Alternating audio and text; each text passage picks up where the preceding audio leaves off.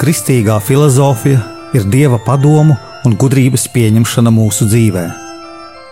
Mīlēt gudrību nozīmē mīlēt dievu, jo no dieva nāk patiesā gudrība. Raidījums Kristīgā filozofija.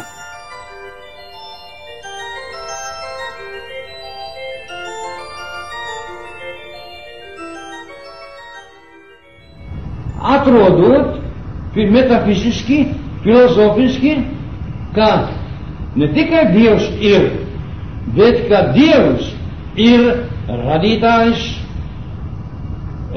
visa radītājs, arī cilvēka radītājs, un ka Dievs ir arī mūsu visaugstākais labums, visaugstākā vērtība. Un atrodot to, mēs atradīsim to pilnīgo e, racionālo e, reliģiju savā dabiskajā būtībā. Un tas pietiek? Nē, vēl iesim dziļāk. Šī pat virzienā, racionālajā, filozofiskā virzienā, un atradīsim, ka Dievs ne tikai ir visaugstākais labums, bet viņš ir ielicis cilvēka dziļumos, dabisko balsi, morālisko sirdsapziņu, kas ir jāievēro, kas, kam ir jāseko, lai sasniegtu to visaugstāko labumu, būtu cilvēks laimīgs un būtu cilvēks miera un priecas pilns.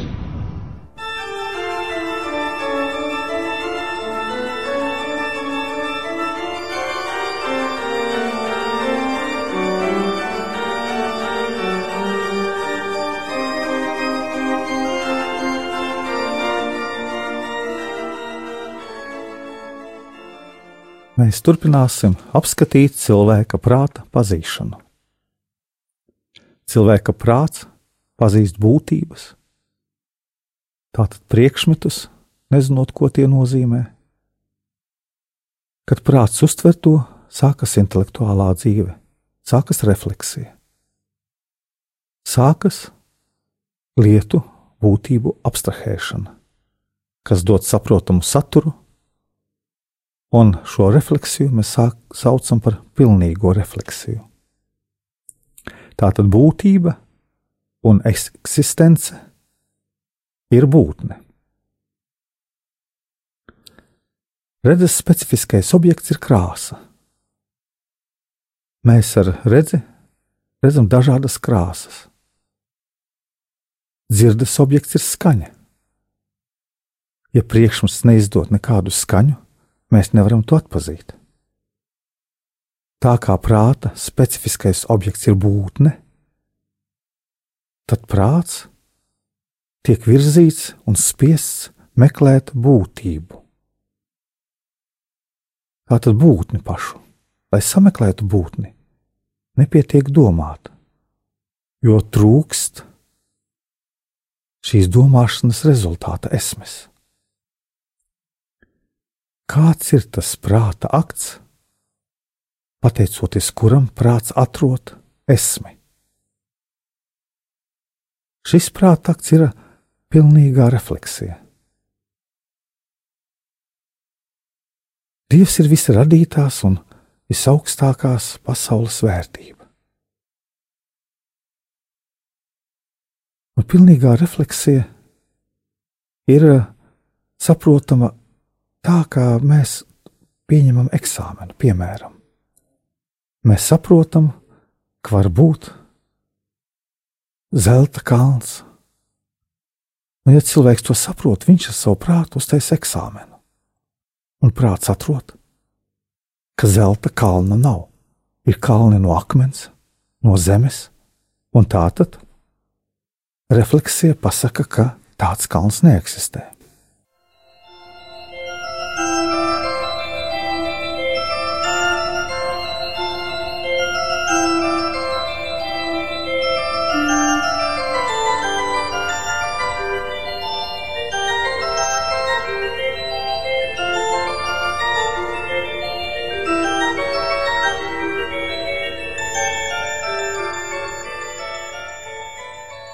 Pārpasaulīgā dimensija salīdzina cilvēku ar pasauli. Jo cilvēks ir pārāks par materiālo pasauli. Transcendentālā dimensija dievu salīdzina ar cilvēku un pasauli. Transcendentālā būtne ir dievs, kas paceļas pāri cilvēkam un pasaulē. Dvēseles nemirstība mums ir saprotama, un tā iziet no daudzplākšņainā humānisma filozofijas.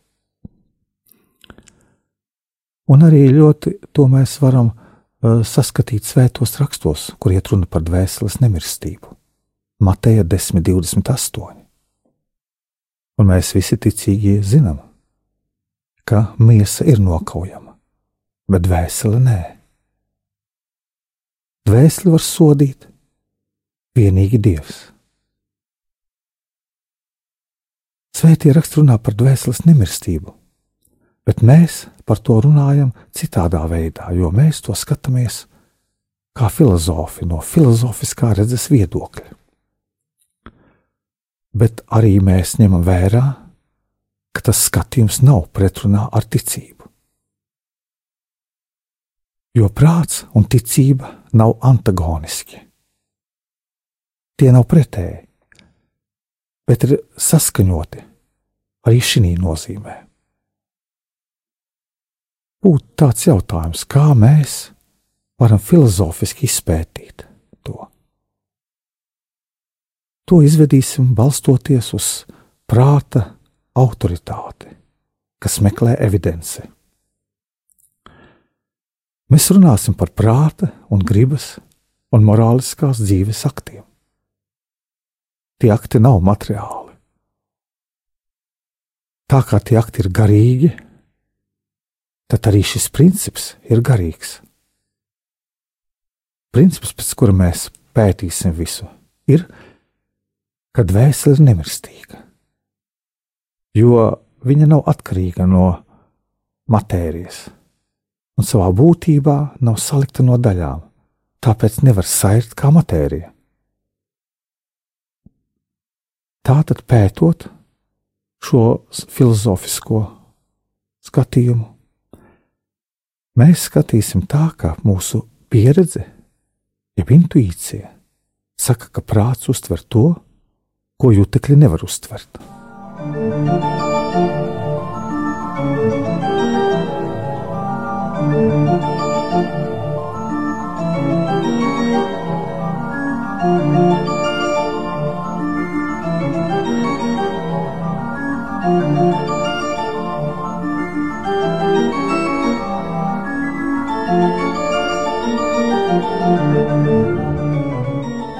Jutekļi uztver lietas, skaņas, bet prāts uztver šo lietu būtību. Un šo pazīšanu mēs saucam par prāta pazīšanu, kas paceļas pāri visām četrām dimensijām. Paceļas pāri matērijai, paceļas pāri telpai, pāri laikam. Mūsu dzīves iekšējā pieredze parāda, ka prāts pēc abstrahēšanās refleksē. Tā ir pilnīga refleksija, kas vieno saskaņā ar prāta formālo objektu būtību. Tātad ar esmi. Un sava formālā priekšmeta radīts uztver to būtību, ka viņa eksistē reāli. Piemēram, mēs redzam koku, bet mēs neizdarām slēdzienu, ka viņš ir.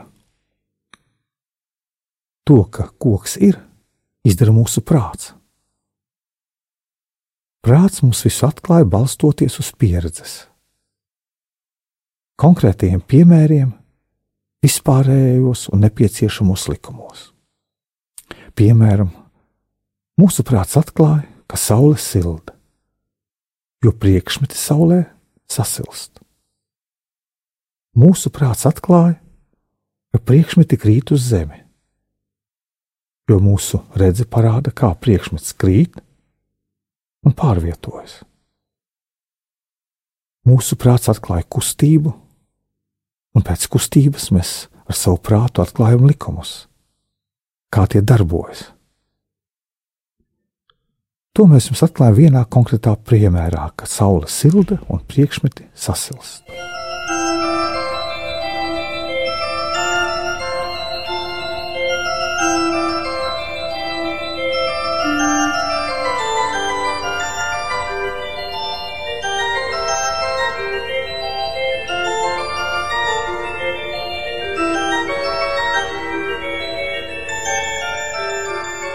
Tagad mēs apskatīsim, ko nozīmē mūsu griba. Ar gribu mēs mīlam ne tikai jutekliskos priekšmetus, godīgumu, patiesību, taisnību. Mēs mīlam arī mūsu pašu mīlestību. Jo griba ir mīlestības spēja, un nevar dzīvot bez mīlestības. Tā kā ar prātu pazīstam priekšmetu, tāpat mēs ar prātu pazīstam to, ka mēs priekšmetu pazīstam. Jo prāts uztver priekšmetu. Tā kā mēs mīlam priekšmetu, mēs mīlam arī pašu mīlestību. Jo mīlestība ir konstatēta mums ar mūsu prātu. Cilvēkam ir ļoti svarīgi mīlēt.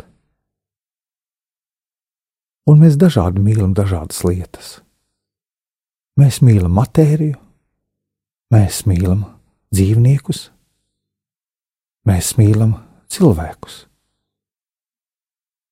Un vissvarīgākais mums ir mīlēt Dievu vairāk par visu un vienīgi, jo viss ir radīts Dievā. Cilvēks bez mīlestības nevar dzīvot. Mūsu gribas aktos izpaužas brīvība. Ja mēs vēlamies, darām, nevēlamies, nedaram. Tā ir mūsu griba, kas virza mūsu vēlmes.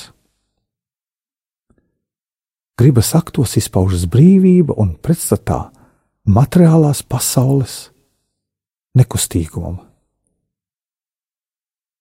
mēs apzināmies, ka mēs esam atbildīgi par kaut kādām lietām, un mēs savā sirdī varam pārdzīvot, ka mūsu sirdsapziņa mums saka, ka mēs neesam pareizi rīkojušies.